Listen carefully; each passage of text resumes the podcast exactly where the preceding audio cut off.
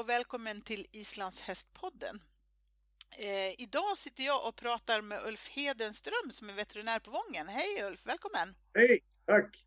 Du, det har ju varit en vinter full med larm om smittor eh, och eh, vi tänkte att vi skulle få lite mera klarhet i hur man bör jobba med smittskydd och då tänkte vi att du kunde hjälpa oss med det. Men innan vi börjar med det, eh, berätta för de som inte känner dig, vem är Ulf? Ulf har varit uh, riksanläggningsveterinär på Vången i snart 20 år. Undervisar på alla våra skolformer. Från hippologprogrammet ner till hästskötarkurser och gymnasiet och blivande travtränare och så vidare. Så att det här är ju ett ämne som vi har uppe på agendan framförallt vintertid och under våren då när mycket smittor eh, hägrar. Och sen här på Vången då så har vi ju både kurser och tävlingar så vi måste ju också omsätta det här i praktiken på ett bra sätt. Mm. Så jag är rådgivande veterinär i, den, i travets smittskyddsgrupp här på Östersund så vi har rätt bra koll på vad som händer i hela regionen och ger råd även åt aktiva där då. Ja, just det. Om vi börjar med EHV, herpesvirus. Det finns i flera varianter har jag förstått. Kan du berätta lite om det? Ja, herpes är våran riktiga luring. Den finns i, ja, jag, jag, tror faktiskt det är så mycket som nio olika varianter och, och, forskningen har inte kommit eh, liksom alla på spåren riktigt än. Så man pratar om fem och i praktiken kanske tre som är en typ av virus som gömmer sig i kroppen. Jag tror de flesta känner till munsår och virus. Mm. Men sen finns det också virus som gömmer sig i andra änden av kroppen och kan orsaka otäckheter som kastningar och sto. Och sen finns det luftvägsvarianter och varianter som sätter sig på nervsystemet och gör oss vingliga. Så att det är ett helt komplex utav virus som, som har den otäcka egenheten att de gömmer sig i kroppen och poppar upp när vi, när vi minst av allt vill det. Okej, okay. men du pratar om det här med eh, munsår. Eh, det känner man ju igen på, på sig själv så att säga. Eh, finns det även för häst? Nej, inte kanske den varianten, men principen för dem att när man har de här, vissa människor bär på det här viruset under kanske lång tid av sitt liv eller för alltid, jag vet inte. Och sen när man är stressad eller förkyld eller kanske jobbar som mest, då poppar de här munsåren upp och sen drar de sig tillbaks in i kroppen igen. Så det är liksom inte en smitta som man kanske får av någon, någon kompis eller så eh, just då, utan det kan man ha fått kanske i värsta fall flera år tidigare. Medan symptomen då kommer när man, när man är nedsatt av andra anledningar. Och lite så fungerar det med de olika symptombilderna på häst också. Ja, just det.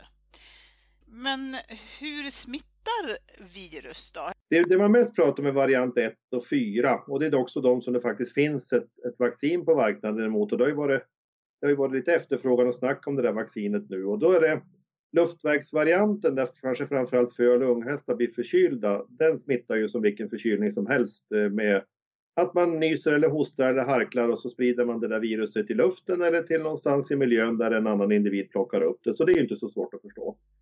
Sen när det gäller smittsam kastning då, som, som abortvarianten kallas, då är det ju fostervätskor och det foster som kastar, alltså tråkigheter som att eh, man blir av med sitt, sitt foster då sent i dräktigheten. Och då är det ju naturligtvis det fostret då och de, det fostervatten som kommer ut som kan vara väldigt smittsamt till andra ston i omgivningen just under en kort intensiv period. Då. Mm. Det är lite olika, de hittar lite olika sätt att, sprida sig över till nästa hästar men de har överlevnadsstrategin just för herpesviruset det är inte att vara så väldigt smittsam utan det är snarare att när jag väl har plockat upp det så gömmer jag mig kanske i nervbanorna eller någonstans in i kroppen tills jag får chans att, att komma fram och, och ställa till oreda. Mm. Men om eh, smittan har skett vid ett tidigare tillfälle, eh, mm. som det här EHV1 då, och så blossar upp långt senare. Det jag antar att det är det läget som man har haft nu i vinter när det har varit den här EHV1 som, som har spritt sig. Men hur, hur skyddar man sig då? Ja, alltså det, det där är jättesvårt. Det är ju det, skyddet ligger ju egentligen, man kan se det som en vågskål, alltså som gungbrädan i lekparken. Att på ena sidan ligger viruset och de smittor vi drar på oss när vi är ute och tävlar och kanske när vi är unga och går i en unghästflock eller så. Men på andra sidan vågskålen, eh, på andra sidan gungbrädan, där sitter ju alla de saker som faktiskt ska hålla oss friska. Eh, vaccinationer i förekommande fall där det finns, där man ökar då mängden, alltså späder på immunförsvaret och ökar mängden antikroppar i blodet som kan ta hand om de här infektionerna. Men just när det gäller herpes så är jag ganska övertygad att mycket också handlar om stress, alltså att man eh, åker, resor och tävlar till exempel, att det bryter ut just då. Eller att man eh, till exempel har haft en svår fodersituation som vi hade förra sommaren med, med där man fick ta till mycket tips och tricks för att kom, få in sitt grovfoder helt enkelt. Och då blir det ju både en, en bredd i vad hästarna äter och kanske också lite varierande hygienisk kvalitet. Och det kan ju då sätta ner hästen så att just i år att infektionerna har blossat upp mer än vad vi, vad vi kanske har varit vana vid. Mm.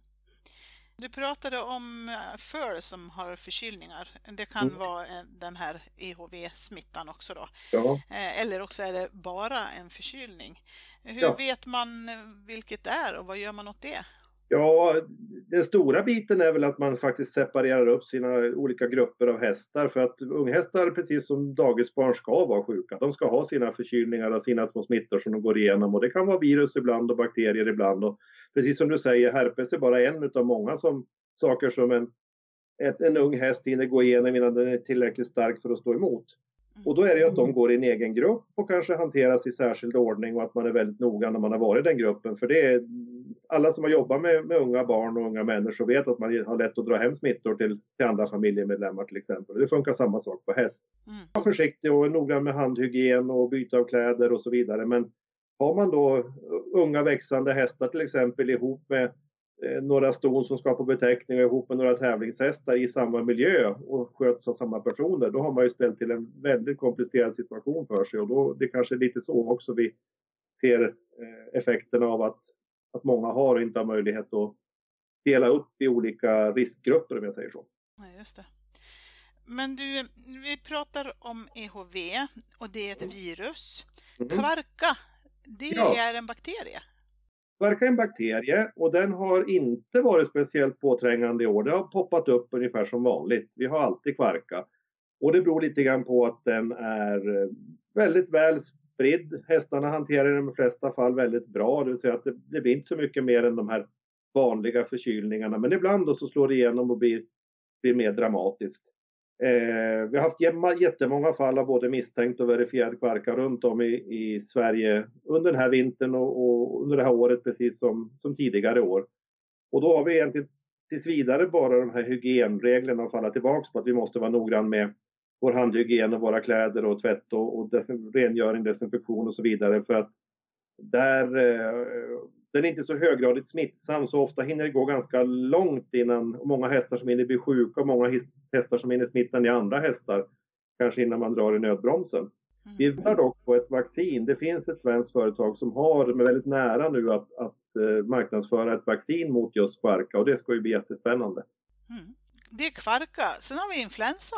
Ja, och den har varit lite värre än vanligt i vinter. Det har, där har man sett att fler hästar har haft i hela norra Europa. Det har spridits med hästtransportörer på ett sätt som vi känner igen från ja, någonstans mellan 2005 och 2010 när det senast var ganska mycket fall. Då. Eh, vår hästpopulation är ganska välvaccinerad, framförallt de som reser och tävlar mycket har ett bra skydd och man har också stramat upp just att man vaccinerar lite tätare nu och så vidare.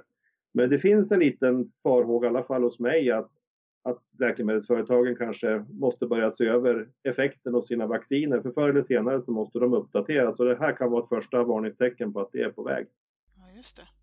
Men eh, alltså, vi pratar om kvarka som bakterie, mm. eh, abortvirus eller EHV som virus. Influensa, är det virus eller bakterie? Eh, influensa är så precis som på oss ett virus. Så det är en variant, en variant av virus som har funnits ganska länge nu som vi kallar då för A2. Och den har, har, den har hetat en benämning som har levt med ganska länge och sen poppar det upp lite nya undergrupper av den där influensa A2-viruset. Och det har poppat upp i Amerika, Afrika och Europa och så vidare. Och till slut så är den så skild ifrån det virus som vi en gång hade så att säga, då döper man om det. Och då måste ju också då vaccintillverkarna hänga med på ett föredömligt Det har de gjort på ett föredömligt sätt. Men, men det är inte som med oss riktigt att vi kan gå och få en, en spruta med ett helt anpassat vaccin för den influensa som går just det året, utan det släpar efter lite grann på hästar.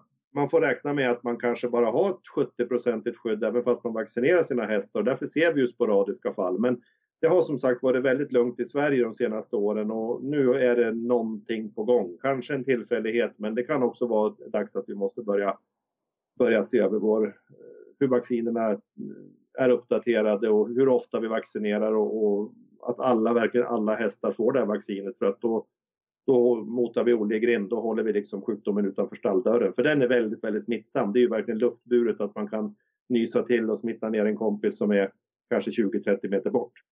Ja, just det.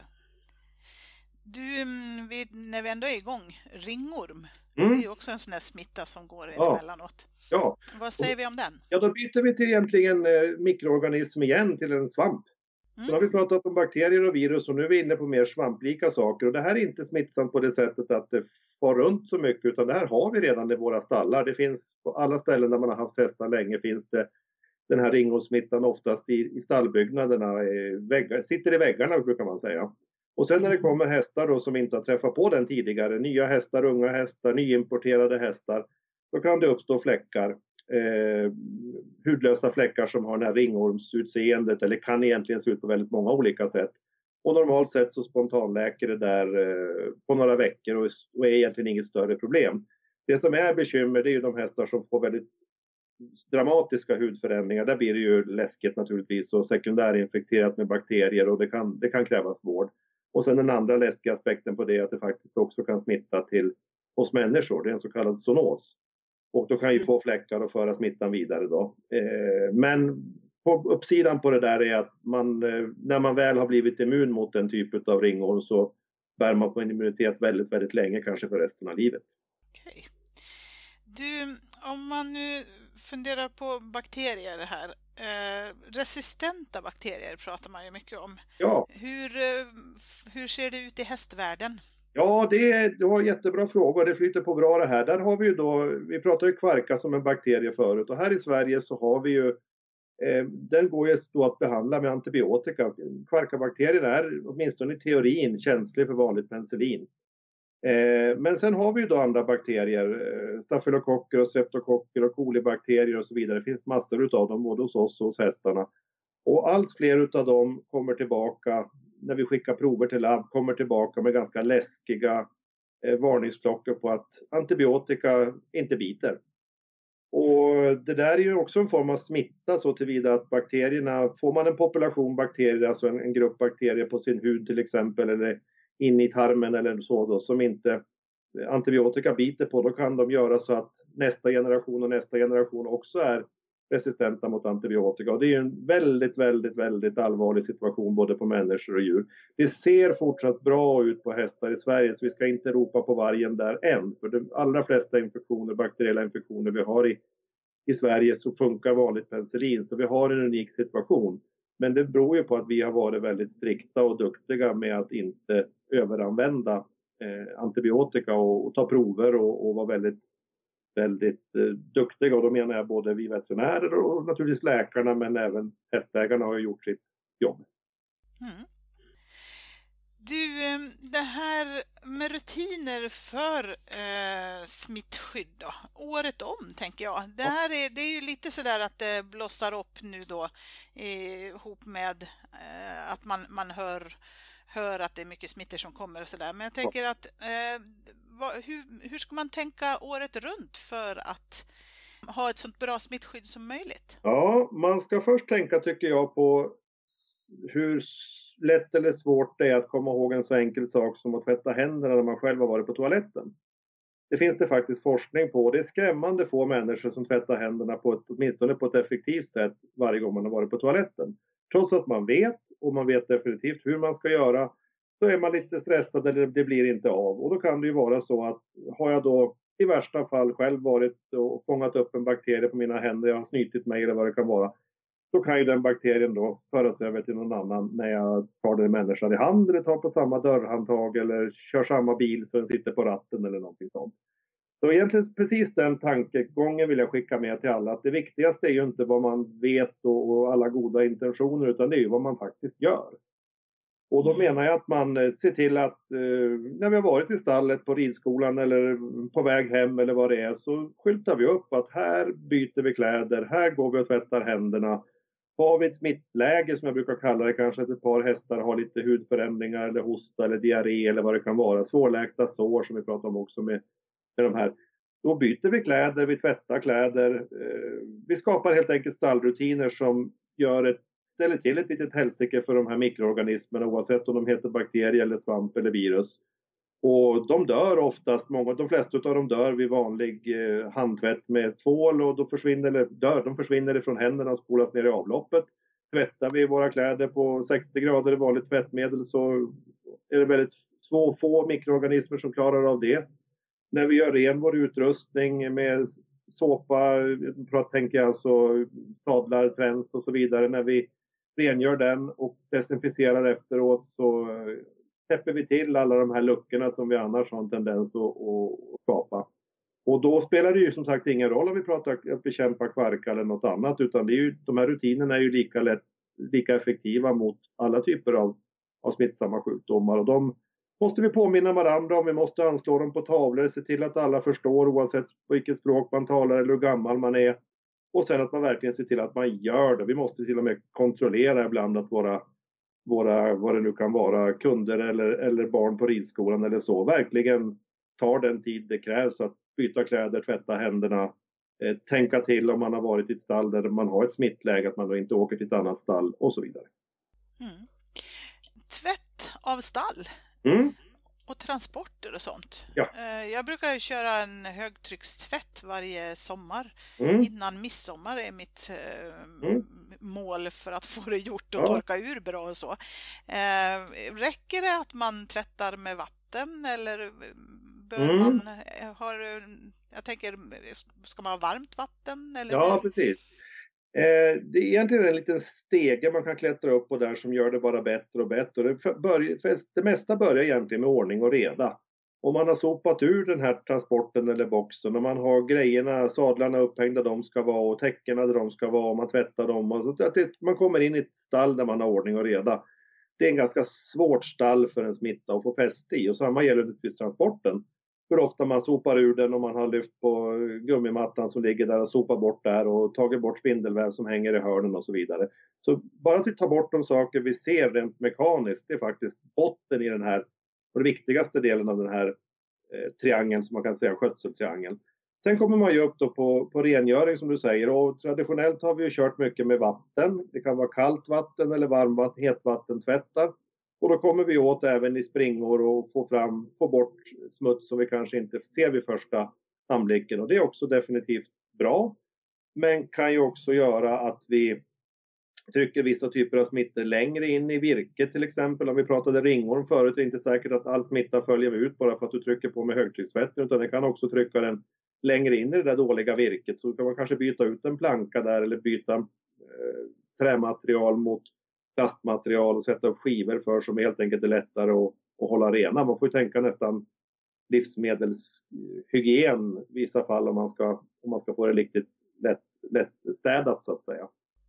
Och det är klart att kan man då höja temperaturen som vi ser utrustningen gör idag med där vi inte förbrukar så mycket vatten och åstadkommer att det måste torka så lång tid, då kan vi inte använda vår stall eller vår transport om den ska torka. Då ju den här varianten med hetvattentvättar där man går långt över 100 grader och där man förbrukar mindre vatten men har högre temperatur. Det är ju väldigt tilltalande för eh, att bryta den här smittkedjan som, som uppstår. Och sen som pricken över i längst upp i triangeln då, då är det olika typer av desinfektionsmedel. När vi kommer dit då, då ska vi ju tänka att de ska vara effektiva naturligtvis mot det smittämne vi vill döda. Men sen måste vi ju tänka att de ska vara kostnadseffektiva och inte minst miljövänliga också. Mm. Men eh, jag funderar också på det här, eh, kan man städa för mycket? Kan man ta död på goda bakterier och släppa in de elaka?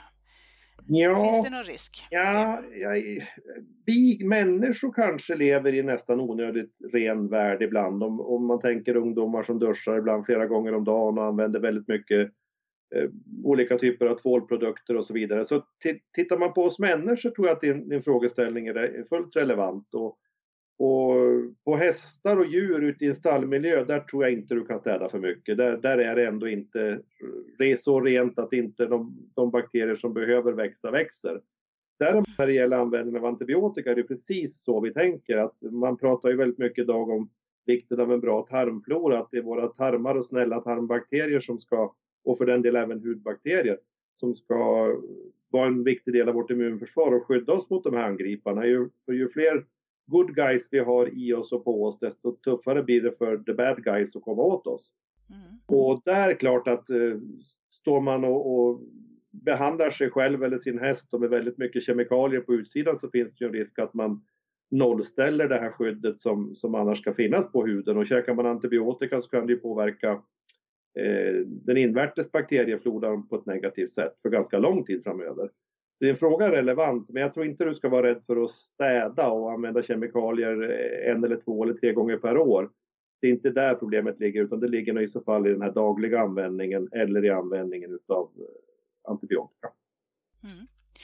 Du, det här, jag återkommer till det där med att städa mm. och tvätta eftersom du sa två eller tre eller fyra mm. gånger per år. Är mm. det så att man ska tvätta stallet oftare än man gör? Jag gör ju det en gång om året. Räcker det eller bör jag göra det oftare? Ja, det var ju som med handtvätten vi pratade om förut. Gör du det där på försommaren kanske när du vet att det torkar upp bra och hästarna ska ut på bete och så vidare så är det bättre än ingenting och det där tror jag många, tror jag många gör.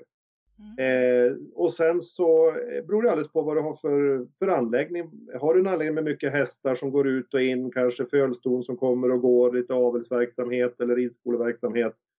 Då tycker jag definitivt man bör fundera på hur man kan, eller man måste rättare sagt fundera på hur man kan göra den här stortvätten kanske ytterligare en gång på sommaren, lite senare på hösten när det fortfarande är torkväder.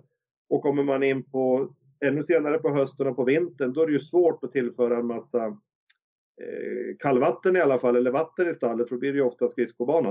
Mm. Då får man ju tänka mer i den här formen utav att man eh, antingen då gör den mekaniska rengöringen, kanske köper en grovdammsugare och får bort damm och, och spindelväv och smuts som ligger lite här och var. Och så går direkt steget till desinfektionsmedel sen. Och är det så att man har en smittosituation, så att man har haft skärka eller vad det nu kan vara för någonting, eh, hos någon häst i stallet, då tror jag de här hetvattentvättarna där man så att säga skvätter runt lite vatten, väldigt lite vatten men med väldigt hög temperatur. Då är ju sån en möjlighet att göra rent faktiskt till och med när det är minusgrader och, och kallt på vintern. När man då själv vill hålla sig uppdaterad och skaffa aktuell information både om pågående smittor men också kanske vad jag gör när jag har fått in en smitta i stallet eller hur jag gör rent i stallet efteråt eller vem jag ska prata med eh, vart jag ska skicka mina prover och analyser eller så. Då, då har vi två ställen jag verkligen vill lyfta fram och det är ju Statens veterinärmedicinska anstalt i Uppsala, sva.se. Har en fantastisk hemsida och en fantastisk rådgivning kring det här så man kan egentligen inte misslyckas. Den kan man hitta både på sin, i sin telefon och i sin, på sin platta och sin dator. Och när det gäller pågående smittläget så finns det en väldigt bra uppdatering av det på travsport.se. Travsporten är faktiskt väldigt bra på smittskyddshantering på förekommande anledning. Och letar man sig fram lite på den sidan så ser man faktiskt att det dag för dag under hela vintern har varit både misstänkta och verifierade fall utav till exempel kvarka, herpesvirus, influensa och så vidare. Då. Så där kan man också hålla sig uppdaterad hur det ser ut just i min del av landet. Ja, just det. Vi tackar dig så jättemycket för eh, all den här informationen. Jag ska ta och ringa upp Ann-Kristin Gulle på Hippofix. Mm. Eh, de har lite idéer om rutiner och rengöring. Få höra vad de säger om det här. Absolut. Tack Ulf. Tack så mycket. Hej Ann-Kristin Gulle på Hippofix. Välkommen till Islandshästpodden. Tack så mycket Anna. Hej. Du, eh, vill du berätta lite kort om företaget Hippofix? Vad är ni för några och vad gör ni för något? Ja, vi är ett eh, företag som är i stor utvecklingsfas. Eh, eh, Hippofix som sådant eh, startade under senare delen av 2012 där de kom i kontakt med utvecklare på kemiska produkter gentemot eh, dentalsidan. Och där, därefter så började Roger och Fredrik eh, laborera om olika ytor att kunna använda det här eh, dentalmedlet. Alltså det är ett, ett medel som heter väteperoxid och det är tredje generationens eh, form utav väteperoxid. Eh, det innehåller inte längre silverjoner som man vill hålla sig ifrån och så vidare, utan tredje generationens väteperoxid arbetar mera långsamt men ja, verkar över tid på ja, djuret. Så numera går det tyvärr inte att handla väteperoxid på apoteken som det gick tidigare. Så det är, där har vi tagit lite marknadsplats då genom att vi har den här produkten som är förpackad lite i olika variationer. Mm. Eh, har ni flera delar? Ja, det här är en del i vår eh, produktsegment. Alltså vi, vi jobbar ju med smittskydd, vi jobbar med sårvård, eh, vi jobbar med ytor utanför stallet eller djurstallet eller hur jag ska säga. Mm. Vi jobbar eh, väldigt brett och, och smittskydd är ju väldigt brett så tillvida. Mm. Vad har ni för tankar där då, runt rutiner för smittskydd? Hur, hur resonerar ni? Eh, vi har ju eh, vi har ett färdigt eh, smittskyddskoncept och det är någonting som egentligen alla djurstallar, veterinärstationer, hästanläggningar eh, ja, egentligen kan man dra in flera olika djurslag också. Men, men då vi pratar häst till exempel så säger jag då djurstallar. Mm. Så. Eh, och det är någonting som man ska jobba egentligen dagligen med, att man får dagliga rutiner i huruvida man eh, tekniskt arbetar sig ifrån en eventuell smitta, att det kan komma in i en stall. Och det är att man upprättar rutiner och så vidare. Mm. Sedan vi, vi har liksom vårt koncept huruvida vi ser att man ska jobba och helst då ja, med våra produkter ifrån Hippofix. Mm. Um, och det till en början så är det då att uh, rengöra Ja, det kan vara en yta om vi börjar då till exempel i ett djurstall, alltså hästboxar till exempel. Vi tar mm. det som ett exempel. Då går man in i, i alltså tömmer hela hela boxen på spån och allt så vidare för att sedan då börja eh, värma upp eh, vattnet i den här ångmaskinen som vi har. Det är 187 grader eh, som är i själva dimningsångan. Är det som en högtryckstvätt eller? Nej, det, det är rätt fråga. Det är inte det, utan det här blir som en dimma mera. En högtryckstvätt kommer ju inte upp i så höga temperaturer. Eh, utan, eh, det är just det man vill komma ifrån, att, att man inte skjuter in varmt vatten in i, ofta i trä, för det, ja, det. där i träet, där händer det mycket saker sedan. Mm. Eh, och ofta så gör, gör man hittills eh, sådana här stallrengöringar kanske bara en gång per år.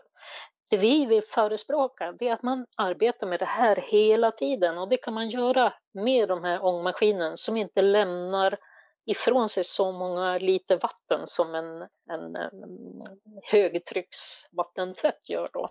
Det är första delen i konceptet, som att rengöra med ånga som är ja, hygieniskt, eh, det tar bort nästan alla sporer, bakterier, eh, virus. Eh. Tar den bort sporer, svamp och sånt också? Eller? Ja, det gör den. det gör den. Sen kan man ju förstärka det här. Det som diskuteras flitigt nu, det är ju mycket det här som har varit i media med abortviruset. Och, och, många är liksom rädda att få det här i sina stallar och så är det. Men det, det är ett exempel på en smitta. Sen har vi ju massa annat. Vi har ju ringorm och det, vi har kvarka och vi har influensa och så vidare och så vidare. Så, så att till, till slut så säger det sig självt att vi måste jobba mera frekvent med smittskyddet. Alltså i ett koncept som, som kanske för en anläggning är unik. Alltså de har sitt smittskyddsarbete, att vi jobbar metodiskt så här. Men från Hippofix så skulle vi vilja se mer användbarhet utav eh, den här vattenångan, för den, den trycker sig inte in i trä utan den lägger sig bara ovanpå. Mm. Ehm, eh, så tanken är att man ska kunna köra med den här ångmaskinen ska man kunna köra även på vintern. Eh, för att den avger inte så många liter vatten så att det, eh, det blir som fuktigt för eh, hästarna. Ja, just det. Men du, hur ofta tänker ni att man ska göra det här? Ja, alltså en önskan, en önskan från vår sida är väl egentligen att man, man kanske gör det ja, tre, tre eller fyra gånger per år. Mm vi vet att idag är det, ja egentligen så blir det väl en årlig genomgång när hästarna går ut på bete. Men, men i förlängningen så kommer det ställas krav på oss eh, hur vi handskas med eh, ja, rengöring av våra produkter eftersom vi rör oss så mycket mer med våra djur på olika ytor. Mm. Så jag tänker eh, tävlingar, träningar, hur man tar sig dit och ja, hur man förflytta sina hästar liksom väl på plats där. Är den boxen, vet du att den är desinficerad och, ja, och plomberad efter gällande normer, ja eller nej? Alltså det är ett jättearbete som vi alla måste jobba med. Mm. Men du, nu handlar det ju bara om ånga då. En sak som blir när man tvättar stallet är ju naturligtvis att det blir rent, för ögat rent. Eh, blir det med den här ångan också? Jag tänker ibland behöver man ju trycka på om det sitter lort upp efter väggarna även med högtryckstvätten. Eh, mm. Löser den synlig lort på ett bra sätt? Där det är lite, vad ska jag säga, tunnare beläggning av eh, matrester eller dylikt, eh, där tar, tar dimman ifrån ångmaskinen. Där kan man liksom ånga upp det och så får man bara skrubba lite lätt. Men så finns det då till exempel ja, om det är någon häst som bajsar på väggen till exempel, eh, då har vi en produkt som är naturligt framtagen ifrån Vassle som är en sprayprodukt då, ready to use så här och den sprayar man då liksom kanske där det är extra smutsigt eller extra tjockt lager eller hur jag nu ska mm. Eh, uttrycka. För eh, då det är baserat på kovassle och med det organiska som sitter då på väggen blir det ju en jättebra kombo så, här. så de börjar ju som att jobba tillsammans och löser upp varandra. Mm. Sen kan man gå på med ångan. Men det, man kommer aldrig ifrån det här att man måste på något vis eh, ska jag säga skrubba på mm. något vis. Eh, helst rotborste eller dylikt eh, för att få liksom alltihopa det synliga. Så att jobbar man med det ja, eh, individuellt så här, alltså att eh, flera gånger per år, då be behöver man ju inte skrubba till slut. Men Nej, precis. första gången så är det ju så, mest sannolikt. Mm. Um, men har du andra medel som man använder sen, tänker jag, om man nu kör den här ångtvätten? Eh, mm. räcker mm. att man gör det? Är det klart sen då? Eller man har vassle-sprayen för att eh, ta lite eh, tyngre, lortigare områden. Men i övrigt, har, har man tagit alla, alla smittor då? Eller behöver man gå på med något mer? I vissa stall så kan man ha då eliminerat eh, de sporer och bakterier som kanske var förekommande. Men i andra stall och vi förordar att man gör det tredje steget såklart, att det är att man desinficerar ytorna efter rengöring. Eh, det kan vara synlig, vad ska jag säga, synlig smuts kvar på till exempel galvaniserat eh, rör eller så. Eh, men ytdesinficerar man det, till exempel då vi har olika sätt hur man gör det på. Man kan använda en eh, ryggspruta där man har en tank och så använder man eh, ytdesinficering på 4% så kan man spraya på olika ytor inne i boxen. Mm. Och när den har fått verkat klart eh, så blir det bara vatten och syre. Det, det, det, finns som, det finns egentligen inget annat medel som är så naturbegåvat, eller hur jag ska uttrycka mig, att det är så naturvänligt. Eh, att eh, det, det kan gå rakt ner i ditt avlopp och det gör ingen åverkan. Du, jag funderade på, i början så sa du så här att eh, ni har ett eh, rutiner för smittskydd som egentligen utgår ifrån varje vardagsläget så att säga. Mm. Eh, det som vi har pratat om nu är ju, ja, som du säger, tre till fyra gånger per år då i bästa fall helst att man ångtvättar och alltihopa det här då. Men, men eh, hur tänker ni att man ska hantera det varje dag så att säga? Har ni något tips på rutiner som man bör ha med sig till vardags? Liksom? Ja, men till vardags så är det ju, låt säga att man har hästar som man har i träning och man, eh, man tar med dem eh, ja, i transport kanske och färdas till en eh, annan anläggning. Ehm, jag personligen när jag skjutsar mina hästar har jag alltid med mig en Hippofix ytdesinficering 4-procentigt och, och den, har jag, den har jag med mig i transporten eller i bilen och det är liksom när jag besöker en annan anläggning då sprayar jag sulorna på hovarna när vi har kommit ut ifrån anläggningen så jag vill inte ha in det i transporten och inte hemma i mitt eget stall. Mm. Eh, så. Eh, och eh, täcke och så vidare. Ja, det, det är som brukligt att man lägger det i en enskild påse. Det har kanske inte med våra vätskor att göra utan lite mer hur man, ja, vilka rutiner man har. Men eh, eh någonting som jag ja, önskar egentligen det är att eh, alla hade en Hippofix Ytdes 4 procentig med sig i bilen. Då kan du spraya eh, dina bilmattor, alltså gummi gummimattorna inne i bilen, de är ofta smittförande för du har haft liksom skorna varit in, mm. eh, du har haft ridstövlarna på ett annat ställe som man ja, av förklarliga skäl kanske är lite mer rädd om. Och så mm. vanliga skorna, de springer man omkring in i det stallet och ut och så kanske det är den saken som är mest smittspridare. Mm. Så jag sprayar alltid sulor och så där också med den här ytdess. finns även Hippofix sårtvätt som också bör finnas i alla stallar eller i alla transporter.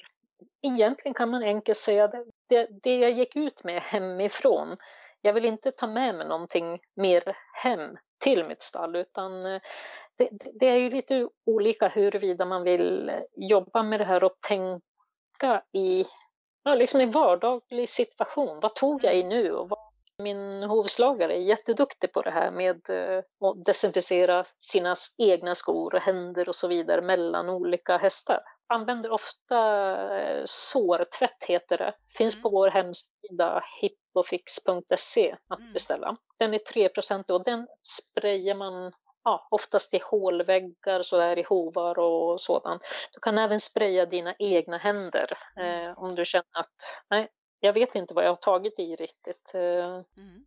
Du, eh, hur kostnadseffektiva är de här eh, produkterna som du pratar om?